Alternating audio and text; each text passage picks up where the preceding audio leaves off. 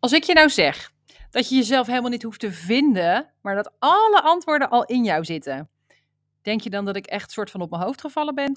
Of voel je daar enige waarheid in? Ik ga je er meer over vertellen in deze aflevering. Laten we erin duiken.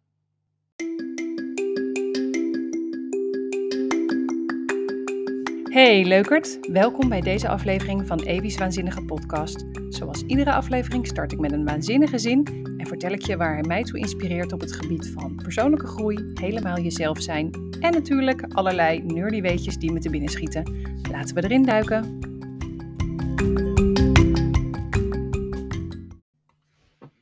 Hey, welkom bij deze nieuwe aflevering. Ja, ik ben nog steeds verkouden, dus negeer het maar even. Hey, luister, vandaag hebben we een zin die je misschien even een paar keer in je op moet nemen. Dus lees hem misschien ook eventjes in de beschrijving. Ik ga hem ehm, langzaam voorlezen, zodat je hem kan voelen. En hem ook daarna voor je vertalen, want hij is in het Engels. Nou, hier komt hij, jongens. Finding yourself is actually returning to yourself. An excavation and remembering who you were before the world got its hands on you. Van Emily McDowell. En wat zij eigenlijk zegt is jezelf vinden, vooral ook tussen haakjes, is eigenlijk terugkomen bij jezelf en een opgraving, een herinnering van wie je eigenlijk was voordat de wereld zijn handen op je legde. Dat laatste is een beetje slecht vertaald. Ehm, maar goed, dat was even letterlijk. Ik ga er zo verder op in. Ja, dat is best wel een hele, een hele zin, hè, jongens? Vinden jullie ook niet? Um, uh, maar zo, zo, zo ontzettend waar voor helemaal jezelf zijn. Ten eerste uh, denk ik dat wij heel erg vaak op zoek zijn naar onszelf, hè, of onszelf willen vinden. En waarom deze zin me zo aanspreekt, is omdat dit dus ook tussen haakjes staat. Het is eigenlijk niet, je, je hoeft jezelf niet te zoeken. Je bent er namelijk gewoon. Het is juist jezelf terugvinden.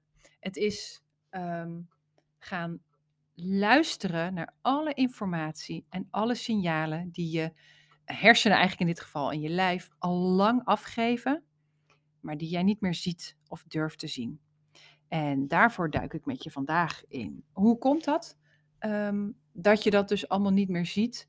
Um, en dus ook aan hoe kun je dat weer gaan voelen. Um, nou, laten we beginnen bij het begin. Dat is hoe komt het dat je dat niet meer voelt? Nou, dat komt door een ontzettend stukje programmering wat plaatsvindt, je hebt me al vaker horen zeggen, in je jeugd. Meestal. Uh, het kan natuurlijk ook op latere leeftijd gebeuren door ingrijpende gebeurtenissen.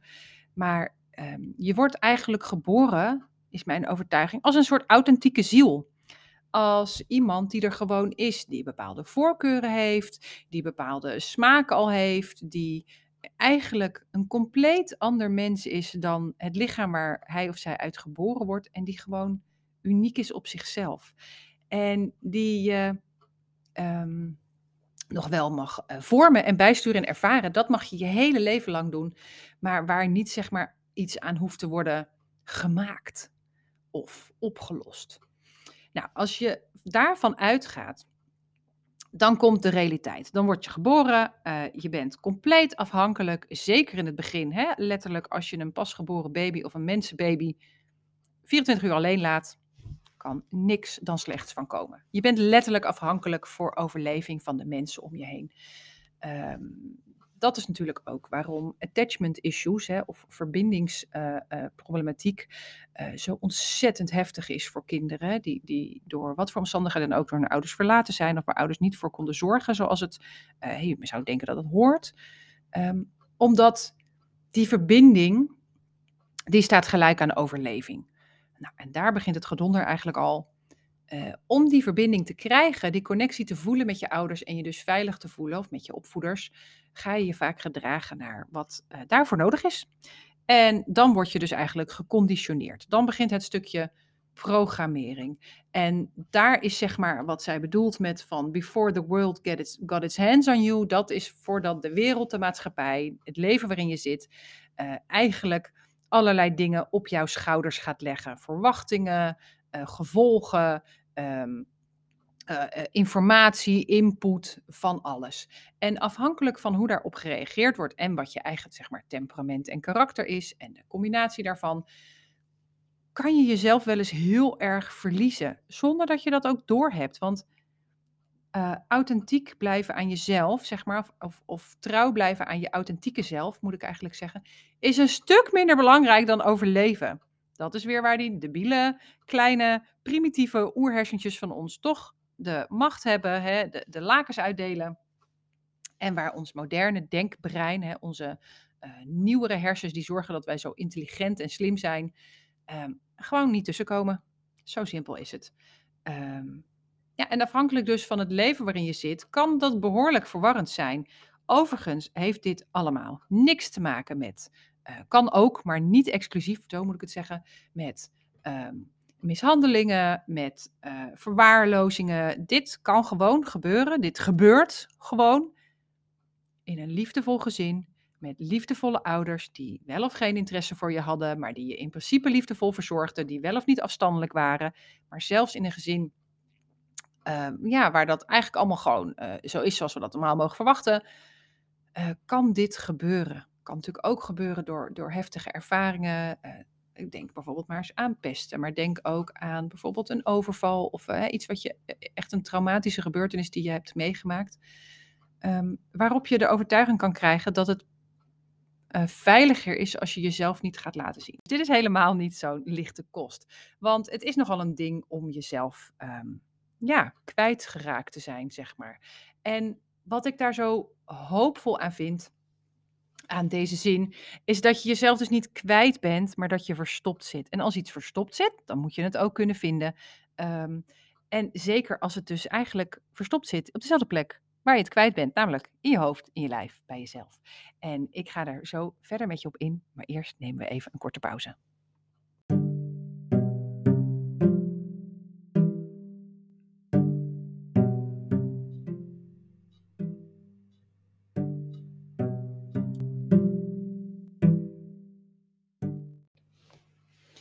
Het is natuurlijk allemaal super mooi om te weten hoe je begraafd raakt onder al die verwachtingen. Maar deze zin heeft het natuurlijk ook heel nadrukkelijk over wat er daarna mag plaatsvinden. Over het stukje een excavation, een opgraving, hè? bijna zoals je dat archeologisch zou zien. Of misschien wel met een enorme graafmachine. A remembering who you were. Een herinnering, hè? een terugdenken aan wie je was. Een teruggang um, naar wie je was. En dat maakt deze zin zo waar voor mij en zo hoopvol en zo herkenbaar voor dat proces. Want um, als je niet meer weet wie je bent en niet meer weet wie je zelf bent en eigenlijk tot de conclusie komt dat je niet eens meer weet wat je leuk vindt. Ja, dames en heren, grote bekenning. Um, de, de eigenares van Evis Joy Factory weet niet meer helemaal wat joy is en wat joy voor haar losmaakt. Um, is een geweldige imposter syndrome ding. Maar ik ben vast niet de enige die dit voelt. Dat je aan de buitenkant iedereen denkt dat je het zo goed voor elkaar hebt. En allemaal geweldig uh, lijkt over te komen. En dat je van binnen gewoon langzaam wegkwijnt. En het niet meer weet. En zo'n disconnect voelt dus ook met het beeld wat naar buiten toe en hoe mensen op je reageren. Um, het is ontzettend fijn om erop te mogen te vertrouwen dat de antwoorden echt in je zitten. En dat het feit dat je het niet meer weet, eigenlijk niet is, ik weet het niet, maar ik durf er niet naar te kijken. Want kijken naar die plek van jezelf, het triggert dingen.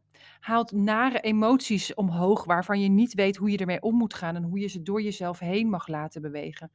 Um, als jij altijd gepest bent met je rode haarkleur, is het verdomd lastig om trots te zijn op je rode haarkleur. En dat te zien als iets prachtig en uniek aan jou. Dit is een simpel lichamelijk voorbeeld, maar dit geldt natuurlijk voor allerlei aspecten in je leven. Als jij opmerkzaam bent geweest als kind en observatief en veel vragen hebt gesteld, dan heb je daar misschien ook wel heel erg veel commentaar op gehad. En dan is het heel erg lastig om diezelfde prachtige eigenschap, hè, die dan nog misschien ook wel een stukje uh, mag worden gefine-tuned, mee te nemen in je volwassen leven als iets waar je trots op mag zijn. Want we hebben ontzettend hard mensen nodig die de dingen doen die wij niet durven te laten zien en waarvoor we altijd gepest zijn. En we hebben ook de neiging, denk ik, als we onszelf kwijt zijn, eh, als we niet meer weten wie we zijn van binnen, ehm, als we nog niet die zoektocht zijn begonnen, om vooral ontzettend te gaan kijken naar mensen om ons heen die het allemaal geweldig voor elkaar lijken te hebben.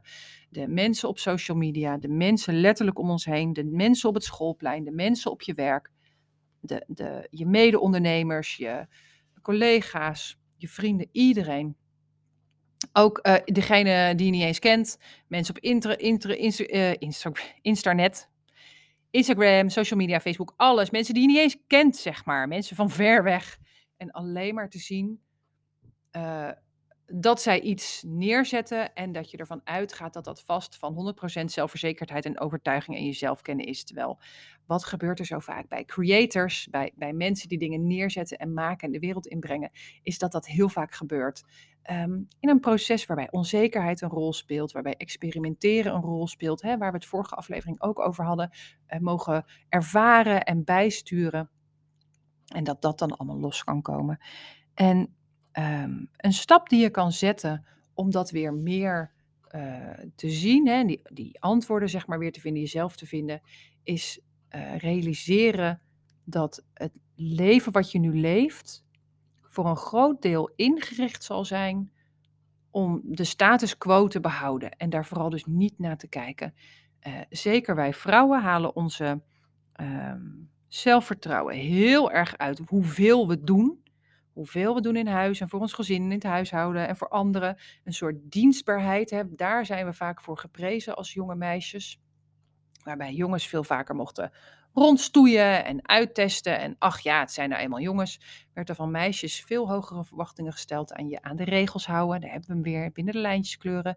En vooral zeg maar je eigen behoeften weg te stoppen in dienst van de behoeften van anderen. Dat is ook waarom het zo veilig voelt om dit te blijven doen om te blijven je energie te besteden aan uh, de mensen om je heen.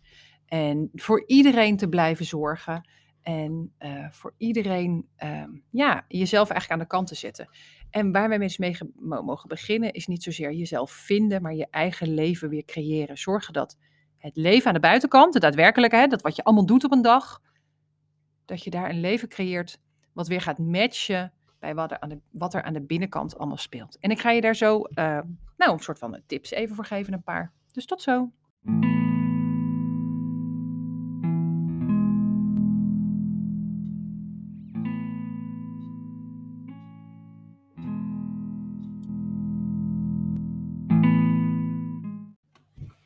Ja, je kunt jezelf dus niet echt soort van terug vinden of er naar op zoek gaan. Dat is dus niet wat werkt. Wat werkt is luisteren naar wie je al bent en daar actie op ondernemen. En dat is ook wat ik bedoel met dat je, uh, you're not finding yourself, you're creating yourself. Je bent op zich al iemand en het is vooral zaak dat je het leven dat je leeft daarna gaat inrichten.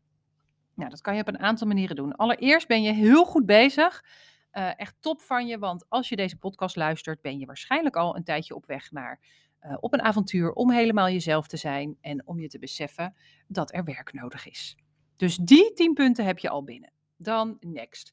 Dan is het uh, een noodzaak, zoals ik net al zei, om te realiseren dat het merendeel van hoe je je leven nu hebt ingericht niet is omdat je het zo graag zo wil, of het zo leuk of zo makkelijk is, of omdat andere dingen niet kunnen of mogelijk zijn, maar omdat het je veilig houdt. Het houdt de status quo in stand en status quo is wat je hersens prettig vinden, want dat vraagt geen ja, enge dingen, geen spannende dingen, geen risico's, allemaal niet. Hè? Niemand wil die sabeltandtijger tegenkomen als je toevallig een zijstap van het pad afzet. Um, dat betekent dus dat je um, mag gaan kijken naar wat je doet, wat je niet meer wil doen. Dat betekent dat je mag gaan inzien uh, waar je aan het rennen bent. Om te zorgen dat je maar niet met jezelf en een kop koffie of thee op de bank hoeft te gaan zitten en hoeft toe te laten hoeveel pijn, verdriet en frustratie daar zit waar je niet jezelf mag zijn. Uh, dit ontroert me, want dit is een, een heftig, heftig proces. Uh, het liefste willen we ons allemaal goed voelen, maar uh, een zachte heelmeester maakt stinkende wonden. Als je niet durft te kijken naar je pijn, als je dat niet serieus durft te nemen en als je niet daar naartoe kan gaan bewegen, dan gaat echt, werk, kan ik je echt al zeggen, dan gaat er niks veranderen. Dan ga je een heel hoop veranderen, maar dan gaat het allemaal niet helpen. Dus allemaal in de ruimte eromheen. Je zult op een punt moeten komen waarbij je eens flink met jezelf en hard op de bank gaat zitten huilen over hoe shit het is dat je niet bent wie je zou willen zijn. Dat je leven er niet uitziet zoals je eigenlijk diep van willen zou binnen. Dat is dat innerlijke kind, dat, die authentieke zelf. Die is gewoon eigenlijk hartstikke boos en verdrietig en gefrustreerd dat er niet naar haar geluisterd wordt. Dit klinkt woeie woeie en spiritueel, maar dit is hoe ik het zie en hoe het voor mij werkt. Uh, dat betekent dat je dus ook een stukje uh, rouw gaat doormaken over wat er allemaal niet was. Dat je een stukje boosheid gaat krijgen over hoe jou dat onmogelijk is gemaakt. En na al die dingen daar in die fases, ik weet even niet helemaal wat soort van inderdaad de fases van rouw zijn. Na al die verwerking blijft het eindpunt hetzelfde. Je kunt er iedereen de schuld van geven. Je kunt erkennen je kunt het zo redelijk of onredelijk pakken als je wil. Je kunt erkennen dat mensen het niet expres hebben gedaan, ofwel, dat ligt aan je situatie. Uiteindelijk blijft het punt dat er maar één iemand is die al het harde werken moet verzetten, ook al ben je keiboos dat jij het allemaal niet veroorzaakt hebt. En dat ben jij. Je hoeft niet te wachten op de prins op het witte paard, of in een dikke Porsche, of de prinses. Jij zult het moeten gaan doen. Als je blijft wachten tot iemand dit voor je gaat oplossen om je helpen jou te vinden, gaat niet werken. Ik kan je er niet mee helpen, geen coach niet, niemand niet. We kunnen je trouwens wel helpen, maar we kunnen het niet voor je zien. Want alleen jij voelt de signalen in jezelf. Dat betekent dat je uh, hè, gericht eh, mag gaan bewegen naar dingen die je verlangt. En dat voelt allemaal groot en onmogelijk. Maar wat is de eerste kleine stap die je kan zetten? Wat is iets wat je mag loslaten? Weet ik veel. Misschien is het de ouderraad waar je in zit. Of een of ander clubje van je werk. Of sport die je gewoon helemaal niet leuk vindt. Ook al is het gezond. Je mag jezelf met jezelf gaan oefenen hoe het is om dingen los te laten die je niet doet voor jezelf en uit een bepaalde verplichting. En te kijken hoe dat voelt. En dat voelt echt scary, scary as shit. Dat is echt helemaal niet tof. Kan ik je nu alvast zeggen. Het voelt in het begin wel als een opluchting. Of uiteindelijk als een opluchting. Maar uh, nee, dit gaat een hoop triggeren. En je mag dan langzaam beginnen aan een pad waarin je de lagen die jou beïnvloed hebben, hè, hoe de wereld zijn handen op je gelegd heeft, um, om die één voor één af te gooien. En zie dit ook als een langer duriger proces. Betekent niet dat je niet al uh, overwinningen en, en dingen mag vieren tussendoor, want die gaan er echt wel zijn. Maar sta jezelf ook toe om er langzaam naartoe te bewegen en fouten daarin te mogen maken en zijsprongen en dingen die niet werken en ook terug te vallen. Hel, uh, ik heb echt heel hard gewerkt aan angst, maar werkelijk, als er wat met mijn kinderen is of ik word ziek, net als nu, dan gaan alle alarmbellen even hard af als altijd en ben ik alleen maar boos en gefrustreerd dat ik nog steeds daar niks mee kan. Dus laat dat toe. Je bent niet de enige. Dit hoort erbij. Uh, niemand leert een marathon rennen zonder een keer op zijn bek te gaan, of wel vijf keer. Um, even denken, waar mag je dan nog meer in zijn?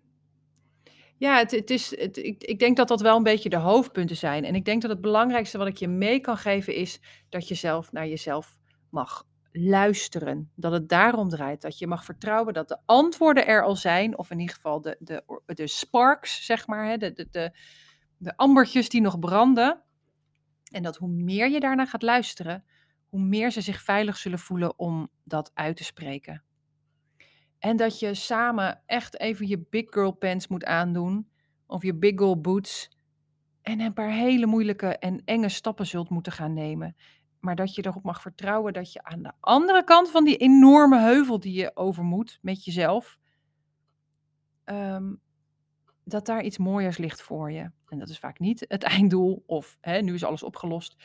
Maar dat daar de stap vooruit lag, zeg maar. Dat, daar, dat, daar, je dan één stap verder bent op het pad naar helemaal jezelf zijn. En naar je leven dus zo kunnen gaan inrichten dat het voor jou wel werkt. Ik had uh, tien jaar geleden, toen mijn oudste dochter werd geboren, absoluut niet het vertrouwen dat ik ooit zou kunnen werken en niet de hele dag op bed zou liggen voordat mijn kinderen het huis uit zouden zijn. Nou, dan had ik nu nog tien jaar te gaan op zijn minst. Um, maar doordat ik, uh, bij mij vond dat gek genoeg plaats toen ik uh, willekeurig op YouTube mezelf toestemming gaf van als ik dan toch niks kan met mijn leven, dan ga ik maar interessante dingen kijken op YouTube.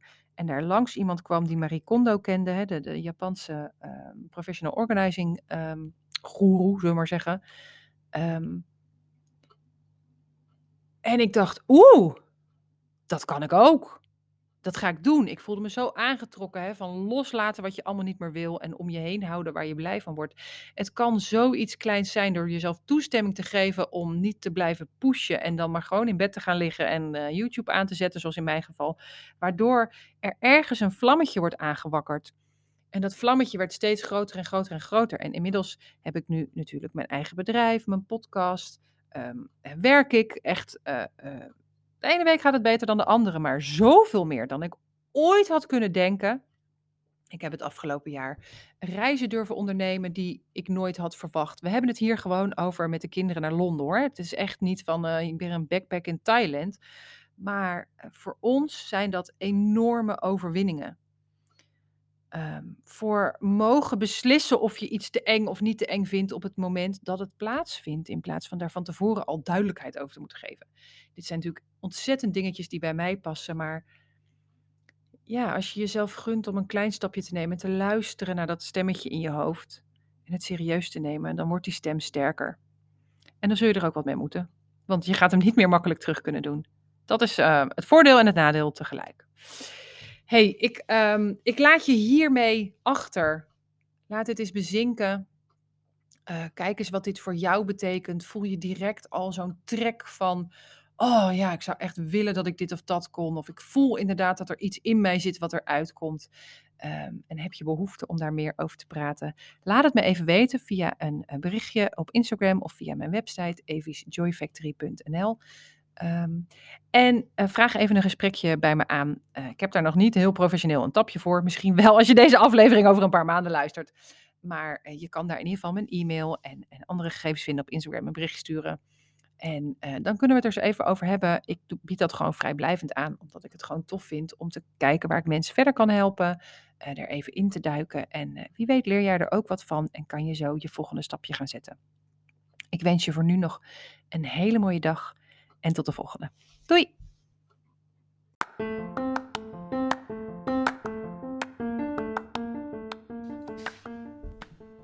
Bedankt voor het luisteren naar deze aflevering van Evie's Waanzinnige Podcast. Wil je reageren of iets met me delen, dan kan je dat het beste doen via Instagram, at Factory, of via mijn website www.eviesjoyfactory.nl. Als je deze aflevering leuk vond, raad ik je ook aan om je te abonneren op deze podcast, zodat je geen aflevering zult missen. Ik wens je nog een mooie dag en tot de volgende aflevering. Doei!